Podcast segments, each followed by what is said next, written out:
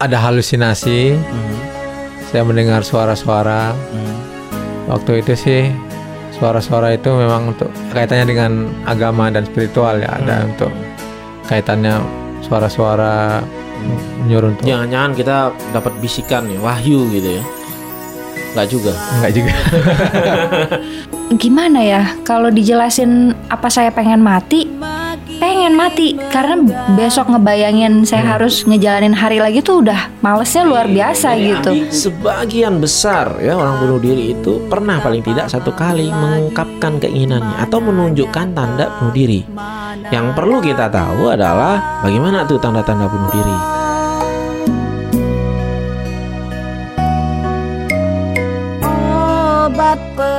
Halo my friends, ketemu lagi ya di Jadi Gini episode ke berapa kita nih ya? 11. Ke 11 Oke kita saat ini edisi khusus ya Edisi khusus hari pencegahan ya bunuh diri yang 2020 Dan kali ini saya nih yang host Terus kita akan kedatangan tamu Bukan akan sudah datang Sudah ya datang nih. Nah, sambil diiringi ini ya, musik ini sebenarnya adalah saya buka dulu ini musikalisasi puisi, puisi karya salah satu teman yang akan eh, ikutan ya saat ini. Oke, kita redain dulu nih. Kita nggak konsen kalau ada musiknya ya kan. Nah, selamat datang nih ya buat Yara ya. Makasih Saya dong. panggil Yara ya. Yara, ya. Ah, sama Angga Wijaya ya. Yara ini nanti kita eh, dengerin ya cerita soal eh, ceritanya ya kan mengalami apa ya Bipolar kalau bipolar ya Iya. bipolar dan saat ini saya kenalnya beliau lagi aktif sekali di komunitas bipolar Bali itu mengadakan eh, support group ya. Support group. ya. buat teman-teman yang mengalami bipolar dan Angga ya malam Angga Selamat malam dok. Wah, tadi yang dijadikan musikalisasi puisi itu puisi karyanya Angga ya. Iya Angga betul. Wijaya. Beliau eh, penyintas apa ya? Schizophrenia, ya? paranoid. Oke. Nggak apa-apa nih kita ngobrol Nggak sekarang. apa-apa, nggak apa-apa. Hmm, saya harus mesti tanya kan banyak orang tuh merasa ah, jarang ya kan ada teman-teman survivor dan ini bukan atas paksaan ya. Enggak dong. Tidak dipaksa oleh Iya, saya bukan, ya kan. bukan. Ntar saya dituduh macem-macem lagi nih, ya kan? Oke, sekarang kita merayakan bukan merayakan ya, apa? Mengingat Memperingati. lagi ya, memperingati Hari Pencegahan ya bunuh diri eh, 2020 ya. Eh, temanya bahwa semua orang tuh bisa jadi pahlawan dengan mencegah ya eh, percobaan bunuh diri atau kejadian bunuh diri gitu. Nah, sekarang kita sambut dulu nih teman-teman nih yang hadir ya. Ah, ada pemirsa setia saya nih, Ge- Gesah So. Nama aslinya lebih gampang loh diucapkan loh ya. Halo Ola, boleh ya saya panggil namanya langsung ya. Ada Lanang Udiana. Wah, beliau ini eh ini sebentar lagi jadi kepala dinasnya di Kabupaten Karangasem Wah. ya kayaknya ya. Mencegah ya, tolong dicegah ya bunuh diri di Karangasem. gitu ya. Oke, ada Ardana Risvara. Sorry ya, kursinya saya pakai sekarang ya.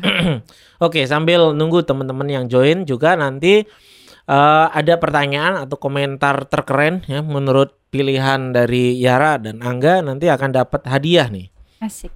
Dapat hadiah berupa buku-buku kumpulan puisi ataupun apa esai ya karya Angga Wijaya nih gratis nanti dikirim sampai ke rumahnya ya nanti kita dengerin nih sampai gimana Angga bisa juga ya sampai membuat karya ya seperti ini gitu ya saya mulai dulu nih dari eh, apa namanya Yara ya.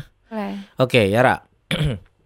Jadi kalau yang Sabtu lalu kita ngomongin ya bahwa eh, bunuh diri itu tidak hanya depresi, Mm-mm. ya, Mm. tetapi juga bipolar. Banyak orang tuh sulit membayangkan, masa Mm-mm. sih orang lagi manik bisa percobaan bunuh diri, ya Mm-mm. kan? Atau eh, ya berarti kan depresinya bukan bipolarnya dan sebagainya ya. Mm. Padahal kemarin kita bahas bisa juga terjadi hal itu dan ada perbedaan-perbedaan walaupun cukup ada eh, kesamaan ya dari bunuh diri yang bipolar dan depresi ini. Tapi Yara boleh cerita dulu ya, Mm-mm. Gimana sih awalnya eh, bukan terfonis ya, saya kita paling nggak enak tuh difonis ya, ya kan? Iya, bagaimana sih Yara akhirnya menemukan ya bahwa oh ternyata saya nih mengalami bipolar dan perlu mendapatkan bantuan. Gitu. Mm-mm. Ya, jadi awal muasalnya itu pencobaan bunuh diri pastinya. Jadi, jadi awalnya itu ya. Iya. Mhm. Tapi sebelum itu bukan yang pertama kali dok. Sebelumnya Hmm. udah pernah juga, tapi dalam kondisi saya nggak tahu bahwa saya bipolar. Hmm. Eh, Itu yang kapan itu? eh, sekitar 2017 gitu ya Hmm, pertama hmm. kali Jadi itu. tiga tahun yang lalu ya. Eh, eh, Hmm. dua ya sekitar segitulah. Hmm. Nah kemudian terjadi lagi, oh enggak, sorry 2015an yang Hmm. pertama itu Hmm. terjadi lagi sekitar dua tahun lalu. Hmm. Nah itu di situlah saya eh, jatuh benar-benar hitting a bottom gitu ya. Saya Hmm. ngerasa saya butuh pertolongan, Hmm. Nggak bisa bangun dari kasur selama empat hari, Hmm. eh, dipres berat memang gitu kan. Nah baru saya ke dokter, di dokter didiagnos saya bipolar. Hmm. Hmm. Tuh, yang Gimana perasaannya waktu pertama kali? down banget, Hmm. down banget. Saya Apa yang merasa muncul di pikiran? Wah saya bipolar nih. gitu. eh selama ini saya pikir orang yang orang lain yang berperilaku aneh tapi ternyata saya yang aneh. Itu yang pertama kali tersirat. Jadi dalam pikiran kita, oh bipolar ini aneh nih gitu ya. Mm-mm, Mhm. mm-mm, ada ada penyimpangan behavior lah gitu ya Hmm. dok ya. Hmm. Mungkin bahasa halusnya seperti itu. Hmm. Eh, jadi saya down banget. Apalagi dulu bacanya eh, artikel tentang eh, berkurangnya ekspektasi hidup Hmm. gitu. Pokoknya yang serem-serem gitu kan. Nah, tapi makin ke sini makin ke sini makin banyak belajar tentang Hmm. perbedaan bipolar, eh, jenis-jenis bipolar segala macam. Hmm.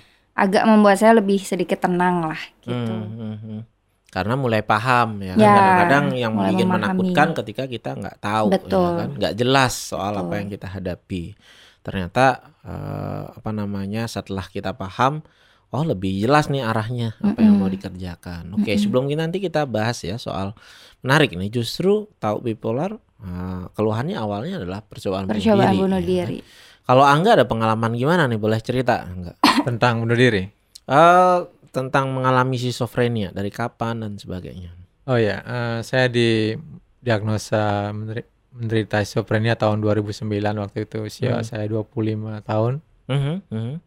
Jadi waktu itu dalam tahap akhir studi di jurusan antropologi budaya Fakultas Sastra. Hmm, saat itu lagi Saat kuliah itu ya, Mhm, mhm. udah Yang akhir. dirasakan apa nih? Biar teman-teman di sini paham juga nih schizophrenia itu apa sih gitu. Mhm, Jadi ada ada halusinasi, mhm, saya mendengar suara-suara. mhm. Waktu itu sih suara-suara itu memang untuk kaitannya dengan agama dan spiritual ya, ada Hmm, untuk hmm, kaitannya suara-suara hmm. nyuruh untuk Jangan-jangan kita dapat bisikan nih, wahyu gitu ya. Enggak juga. enggak juga. Untungnya enggak ya. Mhm. Bisikan disuruh sembahyang sih di Hmm. sebuah pura dekat Hmm. rumah gitu. Hmm. Dan Ada juga- kaitannya iya, iya, ada Jadi kaitannya karena ada juga. dosa ini mesti sembayang di situ dan Mungkin, sebagainya. Tapi berlebihan gitu. ya. Berlebihan. Kalau disuruh sembayang aja nggak apa-apa ya kan.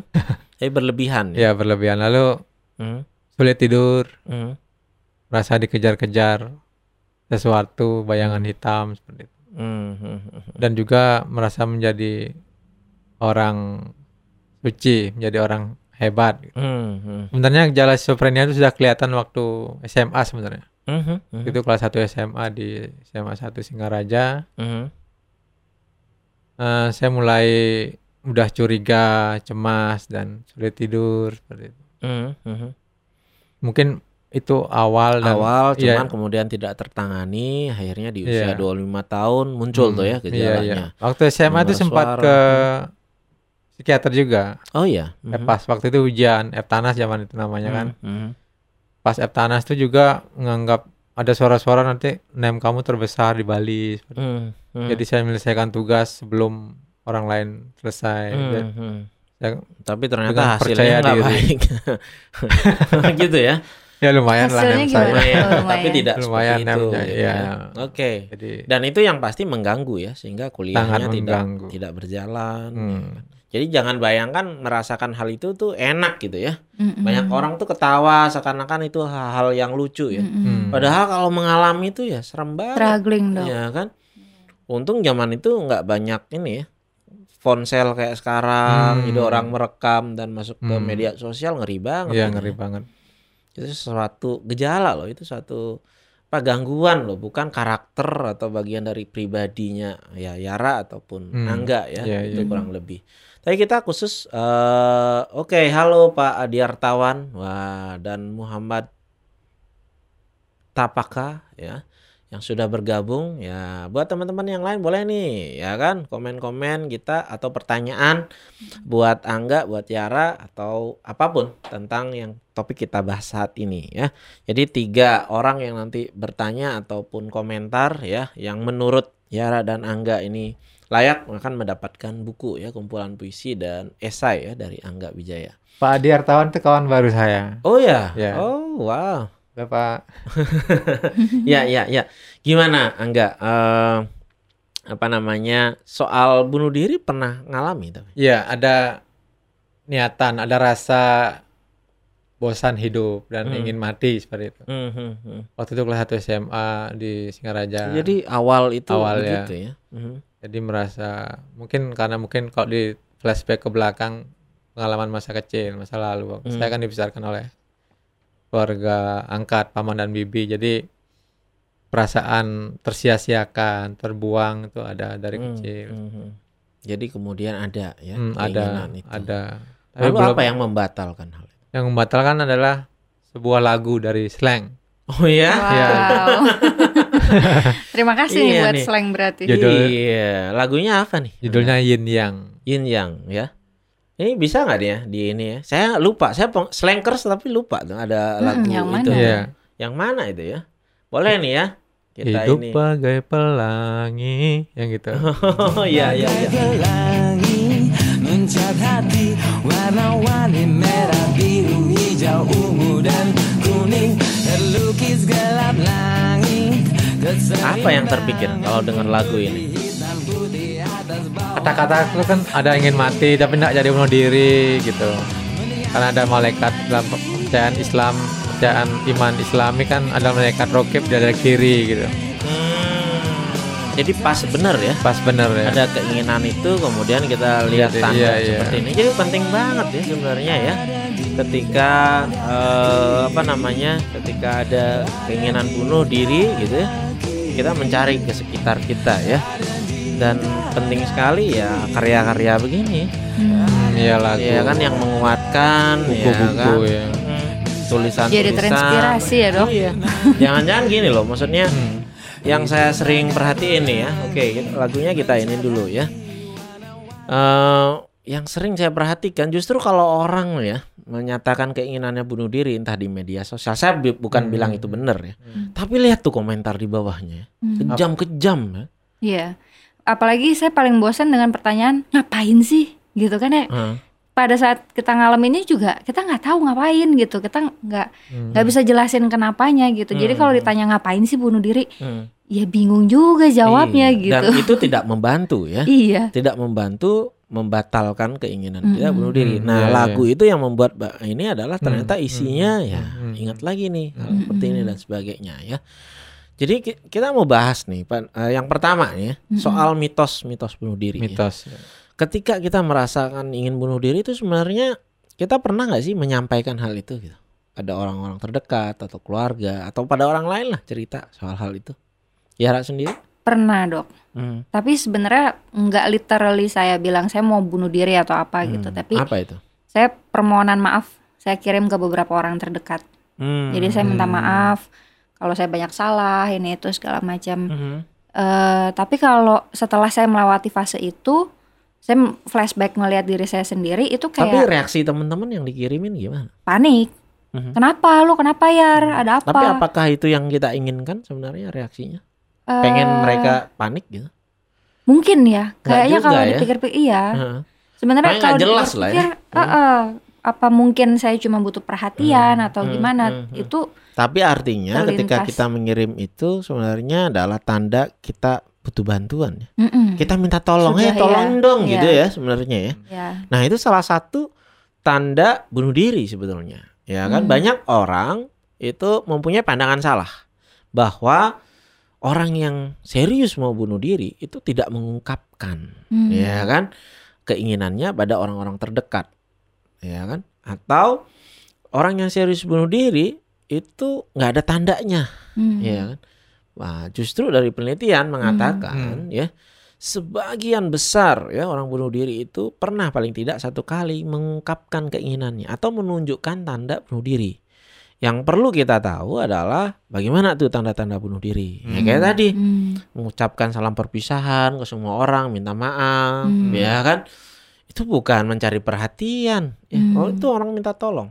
Ya. Hmm. Kedua nih ngasih-ngasih benda apa kesayangan, ya kan? Ini koleksi kita.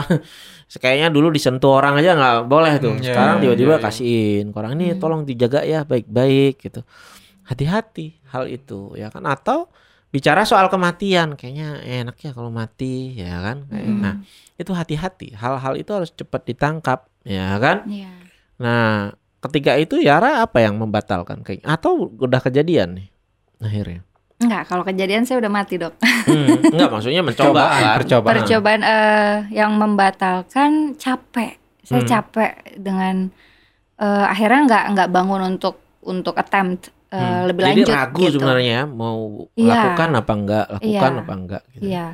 Ragu sih pasti pasti Hmm. ragu, Dok. Cuma memang dorongan itu gimana ya? Kalau dijelasin apa saya pengen mati, pengen mati karena besok ngebayangin saya Hmm. harus ngejalanin hari lagi tuh udah malesnya luar Iya, biasa Jadi gitu. ambigu ya. Iya. Mau hidup kayaknya eh kayaknya ada itu ya peribahasa hidup segan mati, Mati tak, tak mau. mau, ya. iya. Mm-mm. Kayak gitulah. gitu sebenarnya perasaannya ya. Mm-mm. Tetapi ah oke, kita eh, ketika mengalami hal itu Hmm. ya, kita itu pengennya diperlakukan seperti apa sih.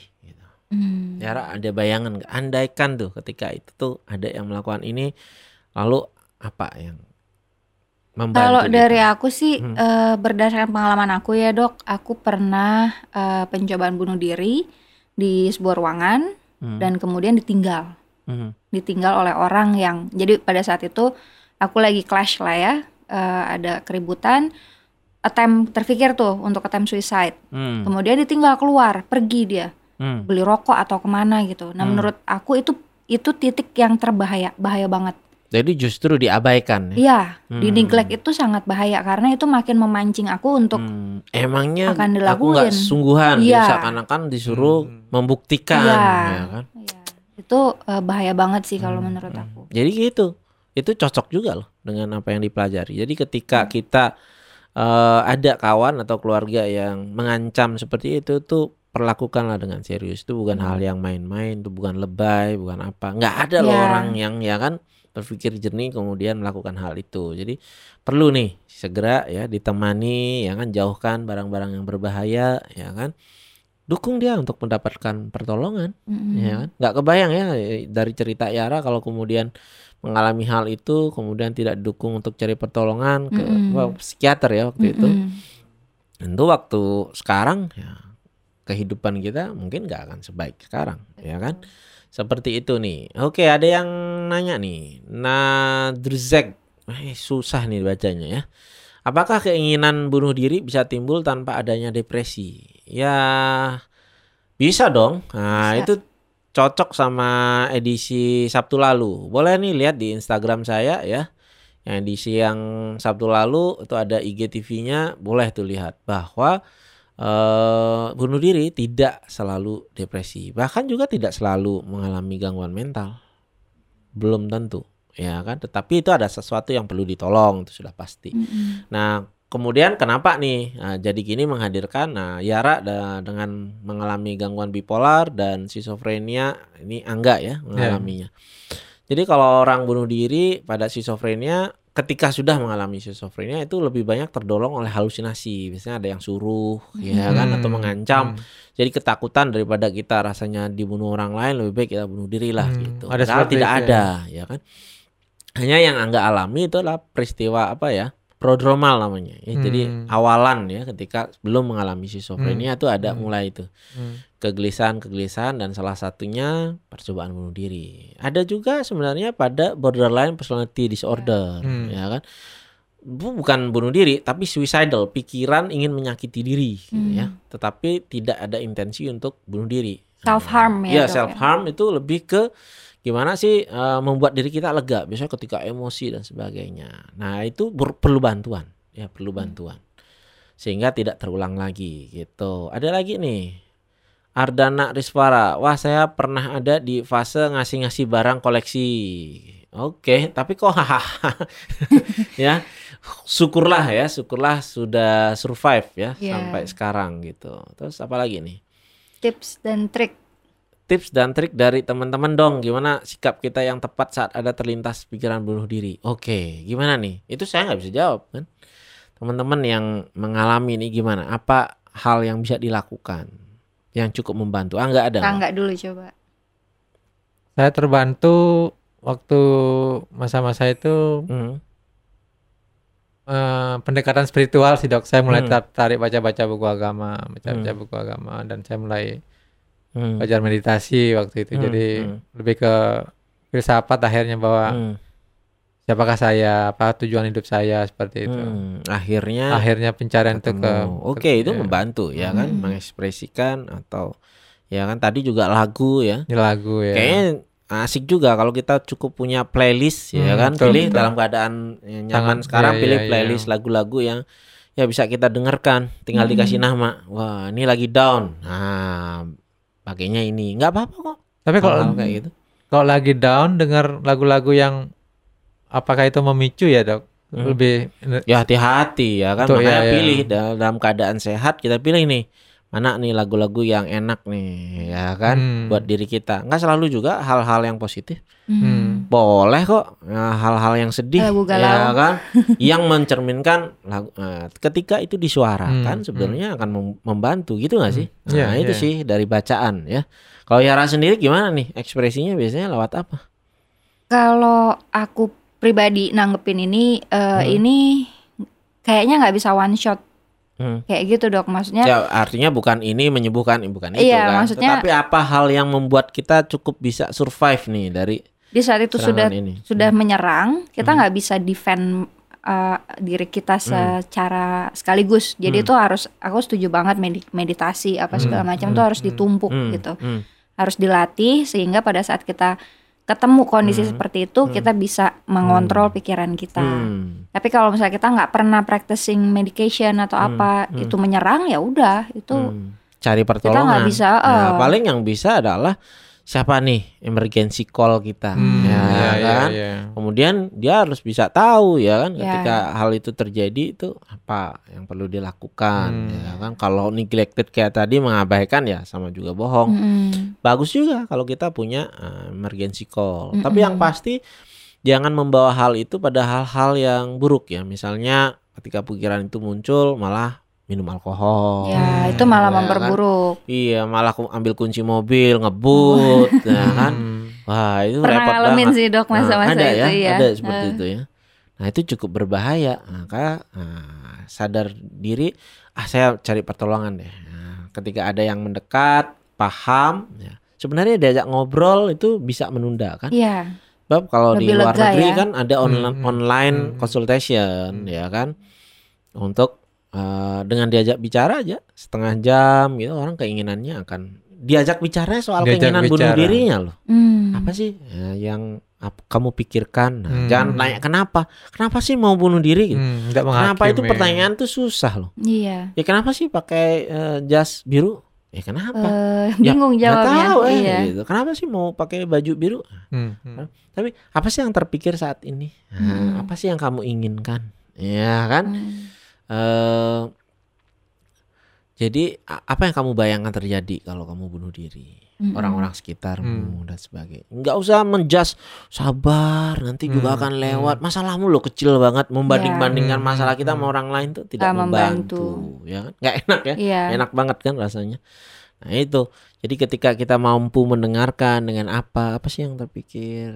Kamu merasa itu akan terjadi. Hmm. Apa sih hambatannya? Hmm. Ya kan? Siapa sih orang paling berarti di dalam hidupmu? Cuman bertanya aja. Hmm. Orang kemudian nah, tergerak untuk melakukan hal itu apa namanya? Untuk menunda ya kan? Pemikiran itu akan sangat baik. Gitu sih, ya kan? Ada lagi nggak ini? Udah share nih Muhammad Tapaka. Kalau musik favorit saya pribadi musik yang vibe-nya sad bang, sad bang Sad gitu. bang.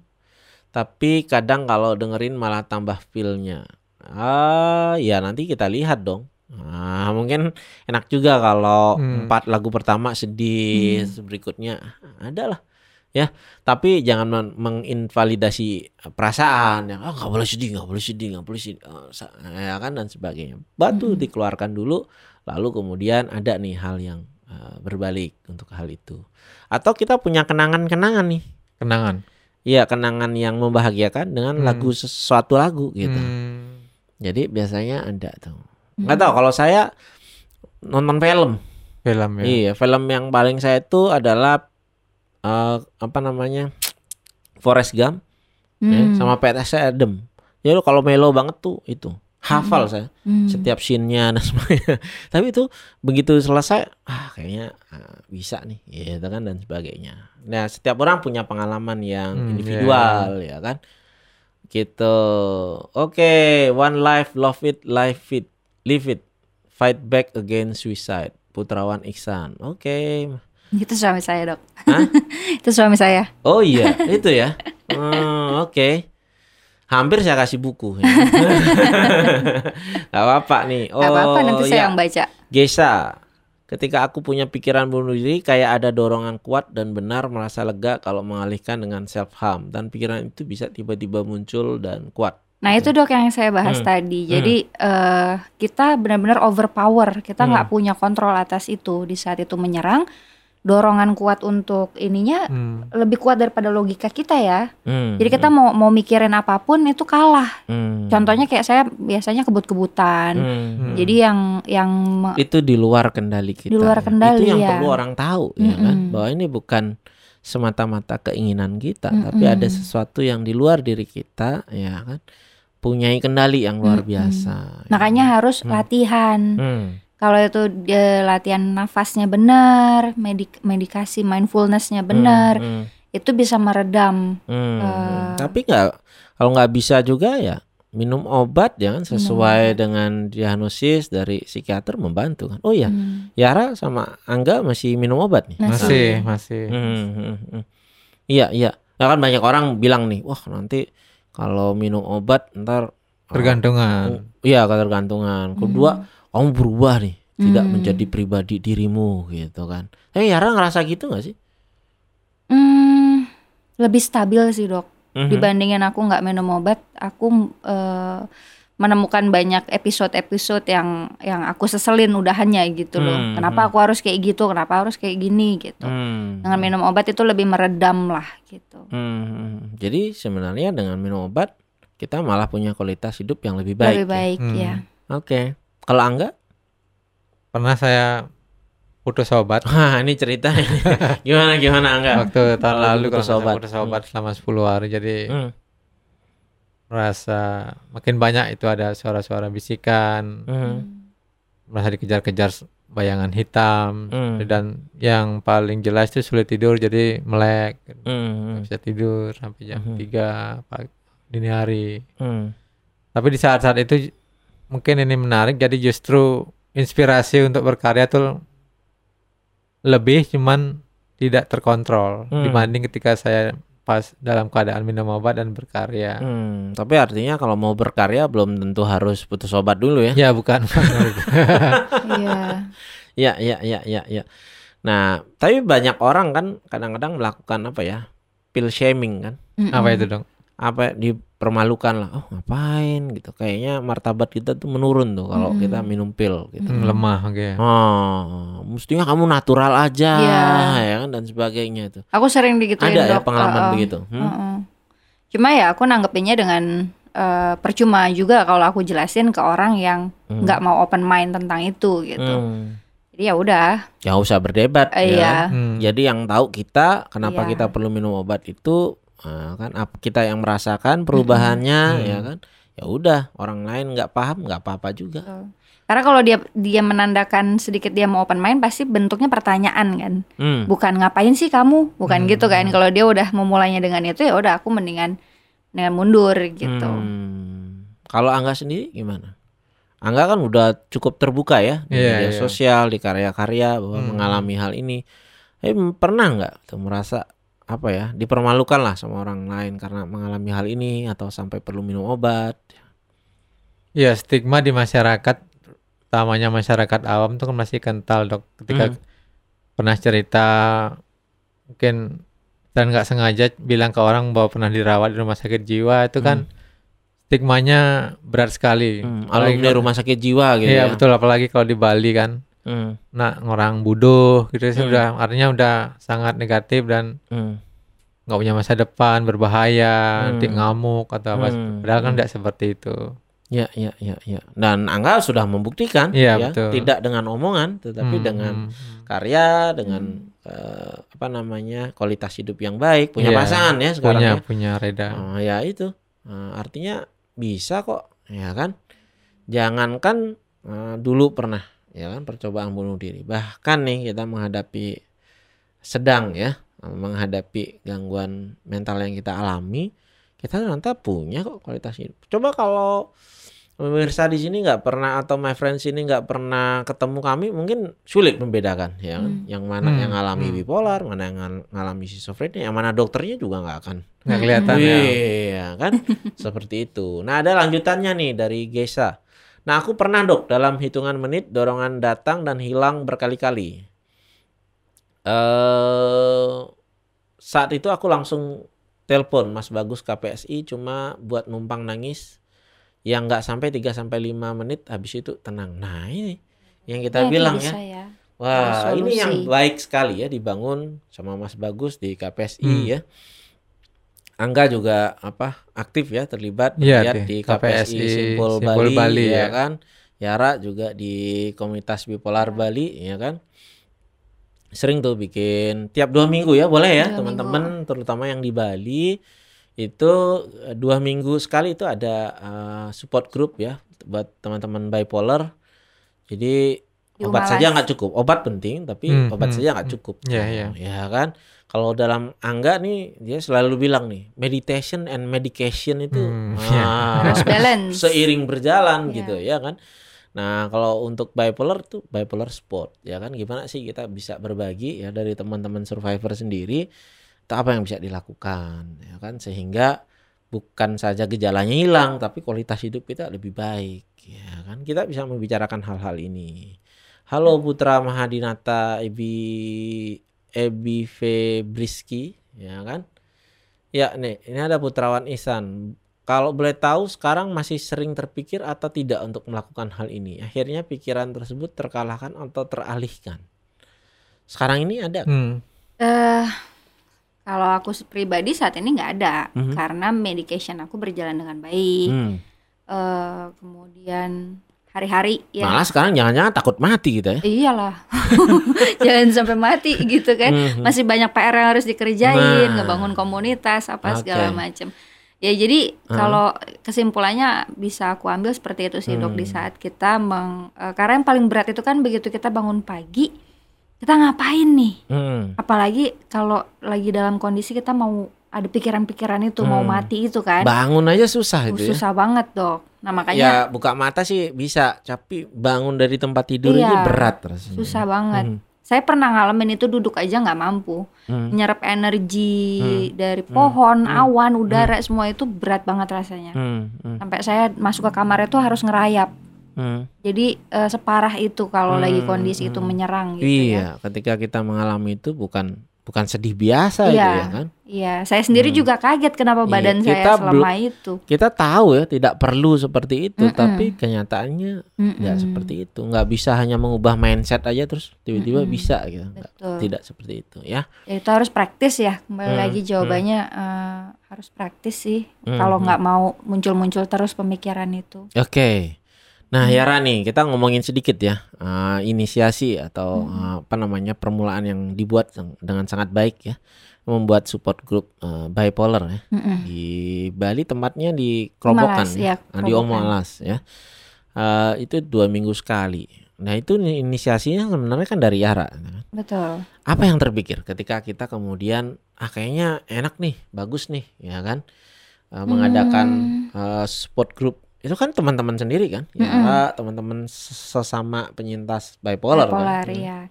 Awalnya di aku terinspirasi sama Dokter Rai dengan topik-topik yang Dokter Rai angkat gitu Hmm. ya. Terus eh, aku ngerasain aku ikut program selanjutnya eh, di luar di luar bipolar gitu ya, Adult Child Anonymous. Itu kita saling sharing dan di situ aku ngerasa aku nggak sendirian. Hmm. Aku merasa ada hope untuk menemukan solusi. Hmm. Nah dari situlah inspirasi awalnya mengangkat topik-topiknya Dokter Rai ini dibawa ke offline. Hmm. Karena vibe-nya kan akan beda di saat orang sharing, eh, aku ngedenger cerita bahwa oh bukan aku doang yang kepikiran mati.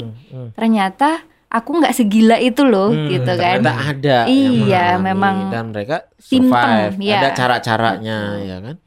Jadi Hmm. dari situ sih aku kepikiran eh, untuk menyatukan teman-teman supaya eh, kita saling support lah, saling Hmm. saling mendengarkan bahwa ternyata mendengar cerita itu nggak mudah gitu ya. Hmm. Kadang kita susah untuk detach. Jadi kita terlalu attach dengan penderitaan orang. Hmm. Nah, bagaimana kita belajar mengatasinya gitu kan?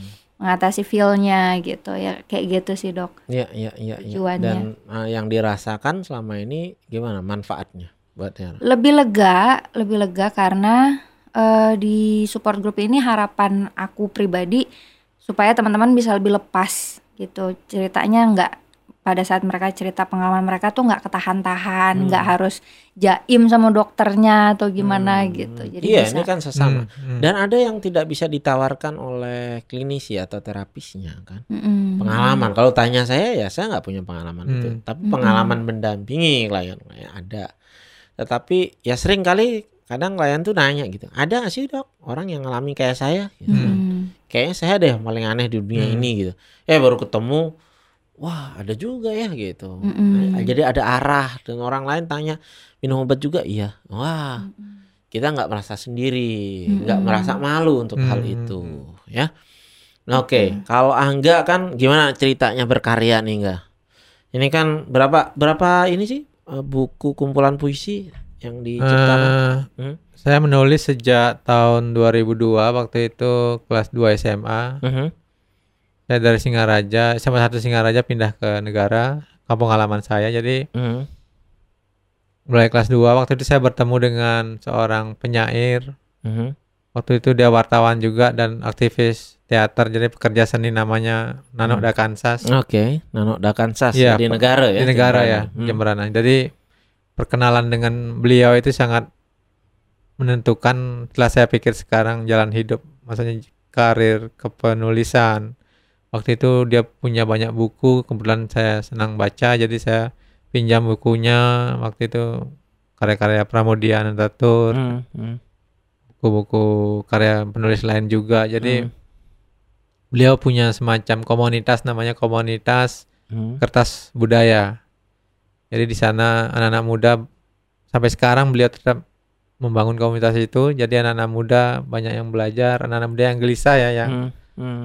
kegelisahannya tidak tersalurkan, Hmm. yang tidak ditemukan apa yang dicari itu Hmm. melalui bangku sekolah. Jadi sana mereka menuangkan bakat dan ekspresi Hmm. ekspresi melalui puisi, melalui Hmm. cerpen, Hmm. novel, Jadi Angga teater, merasa ya. banyak tertolong ya. banyak tertolong seni itu. ya pendekatan seni dan Jadi bisa mengekspresikan itu. Hmm. Bah, Barangkali ketika kita merasa sedih, sedihnya bisa terekspresikan Iya, lewat dengan puisi, menulis, lewat dengan menulis, tulisan, ya kan? buku harian itu sangat bagus Hmm, jadi hmm, untuk mulainya Wah, ini ada nih yang mampir, Mbak Anis Yang Amba ya. sama tuh perasaannya tuh. Anis Amba, puisi adalah tempat pulang yang hakiki. Tulisan tangan Mas Angga Wijaya di kumpulan puisi catatan pulang.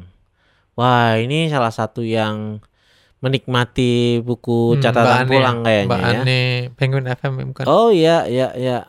Terima kasih bukunya. Saya membaca puisi saja pernah dibilang nak udo dan dianggap aneh.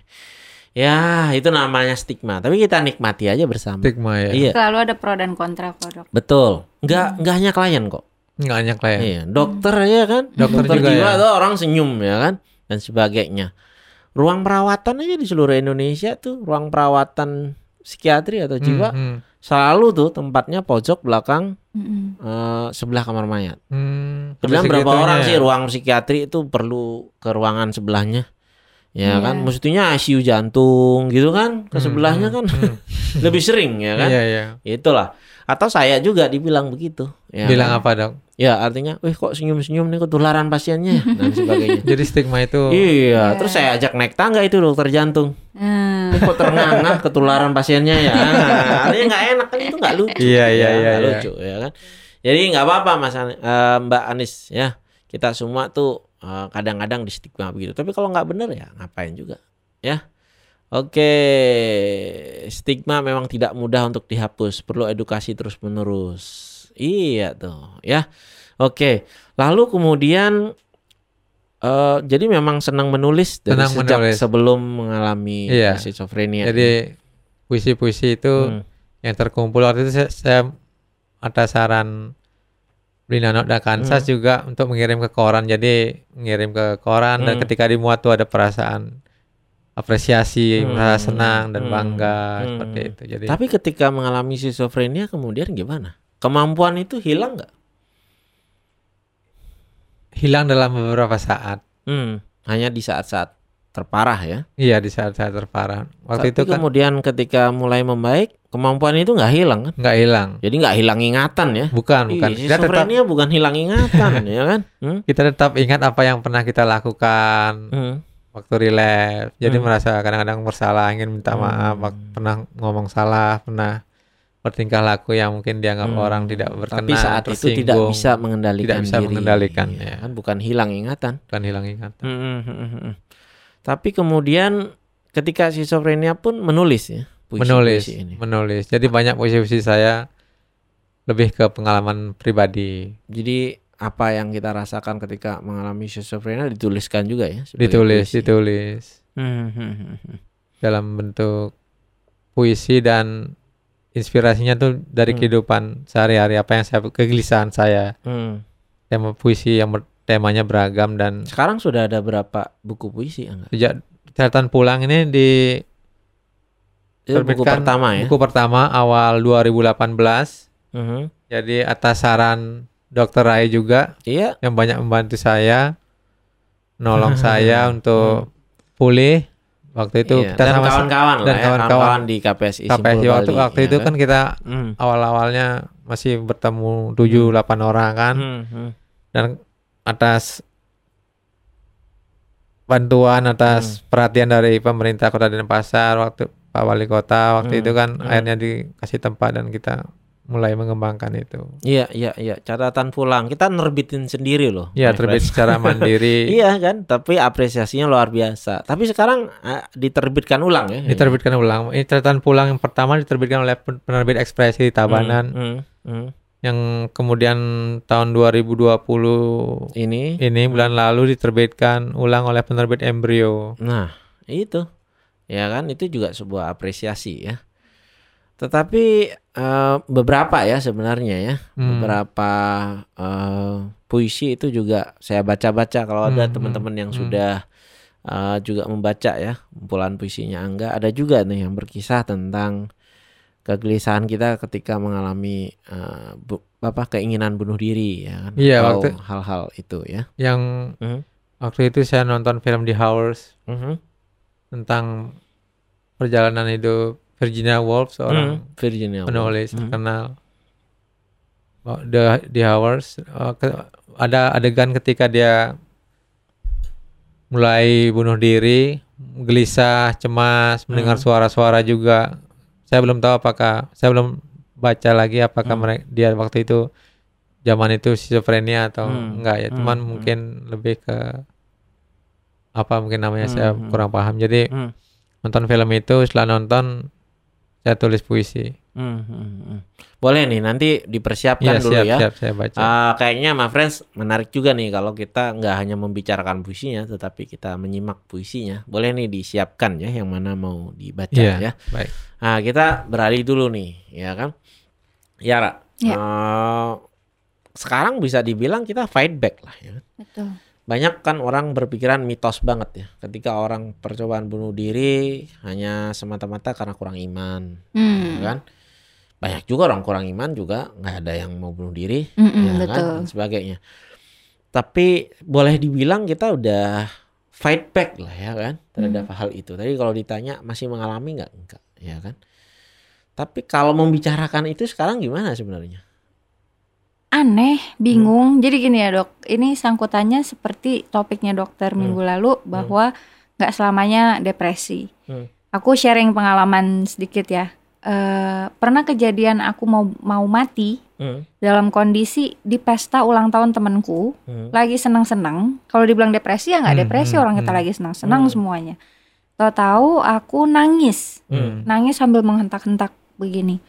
Dibawa ke mobil Hmm. sepanjang jalan ke perjalanan ke rumah itu aku nggak berhenti berhenti katanya aku nggak sadar. hmm, Katanya aku bilang aku mau mati, aku mau mati, aku mau Hmm. mati itu nggak berhenti. hmm, Nah, jadi kalau dipikir-pikir dan ditanyain sekarang gimana eh, ngebayangin apa cerita lagi Hmm. kejadian itu. Ya ya lucu, ya bingung gitu ya. Hmm. Kenapa saya bisa kayak Hmm. sampai kayak gitu dulu Hmm. gitu. Tapi ya kembali lagi itu semua momen ka- karena kurangnya eh, treatment. hmm, Kalau yang aku percayai seperti Hmm. itu, Dok. hmm, Aku yakin kalau kalau eh, kondisinya di treatment dengan baik, medication dan meditationnya balance, insya Allah sih nggak akan terjadi hal-hal yang kayak gitu Hmm. gitu ya. Ya itu juga mungkin iman membantu ya Iman dari ya. Betul. iman, Dari ini. spiritualitas. Tapi tidak ada penyebab tunggal Hmm, Betul. tidak ada. untuk hal itu. Ya kan sering kali orang hanya menyederhanakan, oh dia begitu karena masalah ekonomi, oh karena Hmm. dia karena putus cinta. Mm-mm. Ya kalau setiap orang putus cinta kemudian jadi bunuh diri kan berapa Banyak. banyak, Iya. tuh, Ya kan? berat ya. Tidak seperti itu, ya kan? Mm-mm. Oke. eh lalu kemudian nih gimana pasangan? Ya sudah punya suami ya kan? Betul. Hmm, gimana? Tentu nggak mudah kan? Eh, Bukan nggak mudah punya suami ya, tapi nggak mudah kan? Bagaimana kita berumah tangga, kemudian kita mengalami sesuatu yang perlu dipulihkan, gitu kan? pasti sih Hmm. pertanyaan ya, pertanyaan bagi bagi dia gitu. Hmm. Kenapa sih berkali-kali selalu eh, berada di situasi seperti itu? Hmm. Kamu tuh kan udah punya anak gitu ya.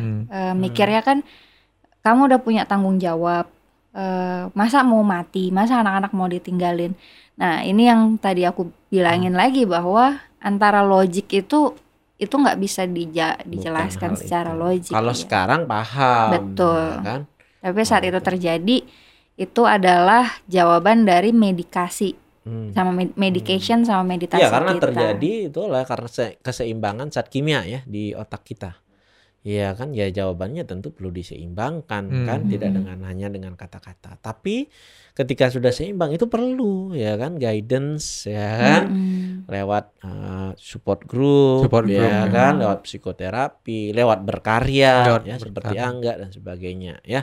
Boleh nih, sudah ada puisinya? Sudah. Oke, dibacakan ya enggak ya teman-teman boleh mengapresiasi. Untuk yang pertama Hmm. tentang schizophrenia aja dok ya. Boleh, boleh, boleh. Bebas. Ya, silakan.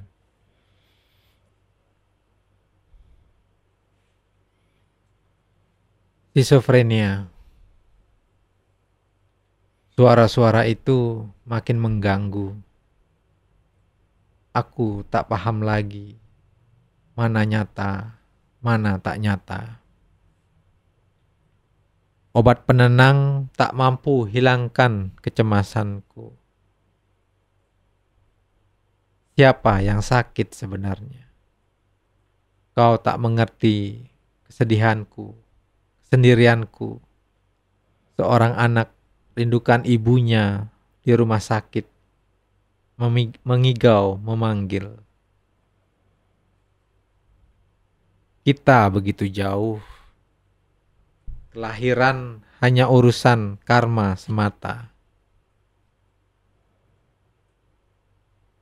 Tiba-tiba aku merasa seperti karena membenci Kunti.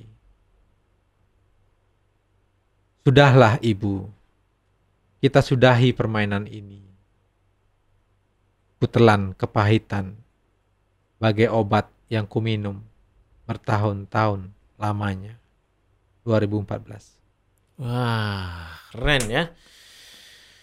Iya, eh kadangkala ya ketika saya sering ya mendengar Hmm. atau membaca puisi ini berkali-kali. ya. Hmm, Tapi itu selalu mengingatkan saya ketika kita pertama kali bertemu ya. ya, kita per- pertama kali bertemu di rumah sakit sangat sulit buat saya memahami Angga sebenarnya ada apa dan sebagainya karena tidak banyak berbicara ya Hmm. dan tidak selancar sekarang ya kan. Hmm.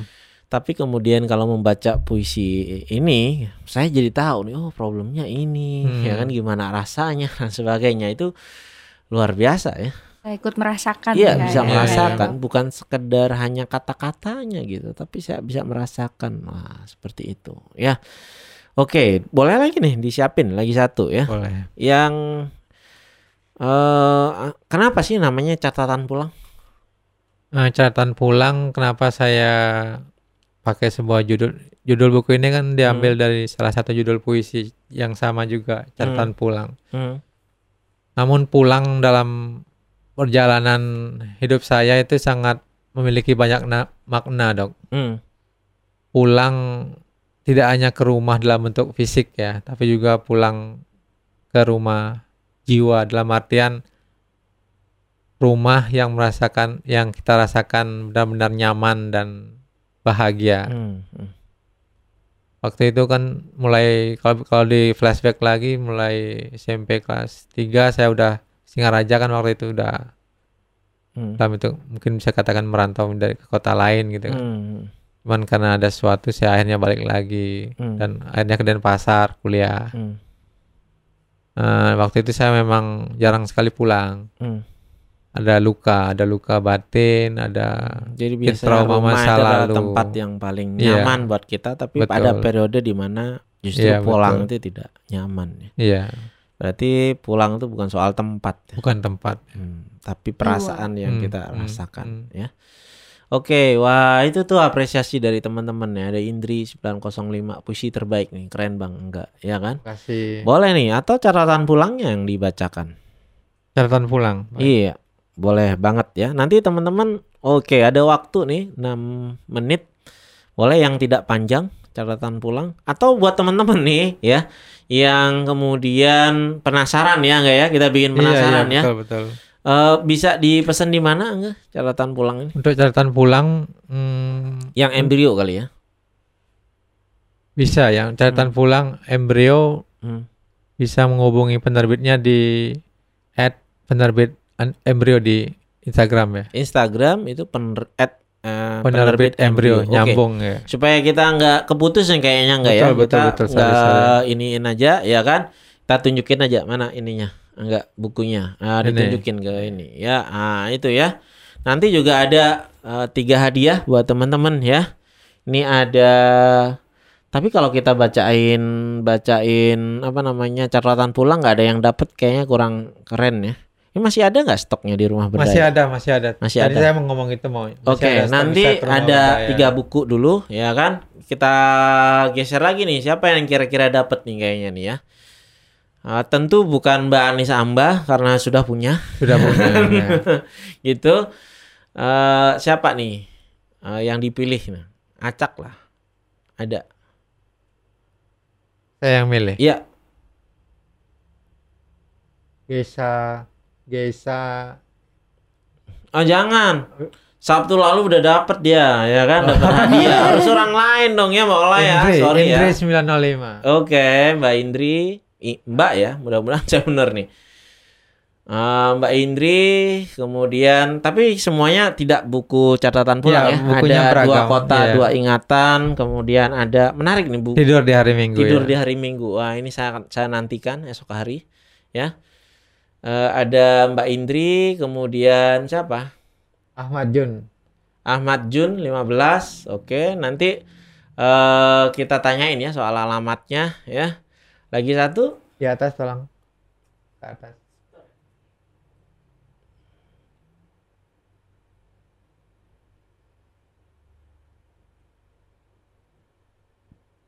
nggak ada. Muhammad Muhammad Tapaka. Tapaka, Oke, ya selamat ya buat teman-teman yang tiga orang itu. Oh ya, eh, kita juga ada acara besok malam ya. besok malam. Ya, besok malam itu dari komunitas teman baik dan eh, ada Dokter Yudi ya, psikiater dan Mbak Dwika ya, akademisi eh, psikologi. itu kita akan bahas soal gimana sih ya kata orang one minute save life ya kan? Nah, perlu banget kan kita obrolin saat ini. Satu menit pertama ketika orang mencari bantuan ya memberikan tanda bahwa dia butuh bantuan Hmm. ya. Nah, untuk mencegah keinginan bunuh dirinya maka apa nih yang perlu kita lakukan? Ya kan Hmm. jangan stigma jangan nah, jadi niat baik itu aja nggak cukup. Perlu diimbangi oleh pengetahuan oleh apa skill ya kan untuk bagaimana kita bisa mendengarkan yang memulihkan gitu. Ya everyone can be a hero ya. Everyone can save life. Jadi teman-teman juga bisa belajar nantinya di Zoom secara gratis kok ya kan? Lihat aja ada di story eh, IG saya atau di komunitas teman baik tuh di berteman underscore baik itu ada posternya. Teman-teman bisa ikuti tinggal repost saja di story ataukah di feed ya kemudian hubungi ya nomor WhatsApp yang tertera ya. Eh, kemudian bisa ikut itu di situ. Kita sharing lebih banyak nanti Iya. bareng dokter Yudi psikiater dan eh, Mbak Dwika. Ya ada Ardan juga ya kayaknya ya. Nah nanti kita terus saksikan ya. Boleh nih teman-teman yang kelewatan untuk live IG sekarang atau sebagian hanya nonton sebagian bisa di recordednya ya kan selama 24 jam. Ada juga nantinya di YouTube dan podcast Spotify Diskoria 88 Hmm. linknya ada di bio Instagram saya oke jadi berikutnya nanti saksikan terus dengan topik-topik yang berbeda di acara jadi gini gitu ya oke kita say goodbye ya buat teman-teman Makasih. ya. Makasih. oke bye bye udah my friends bye bye Bye.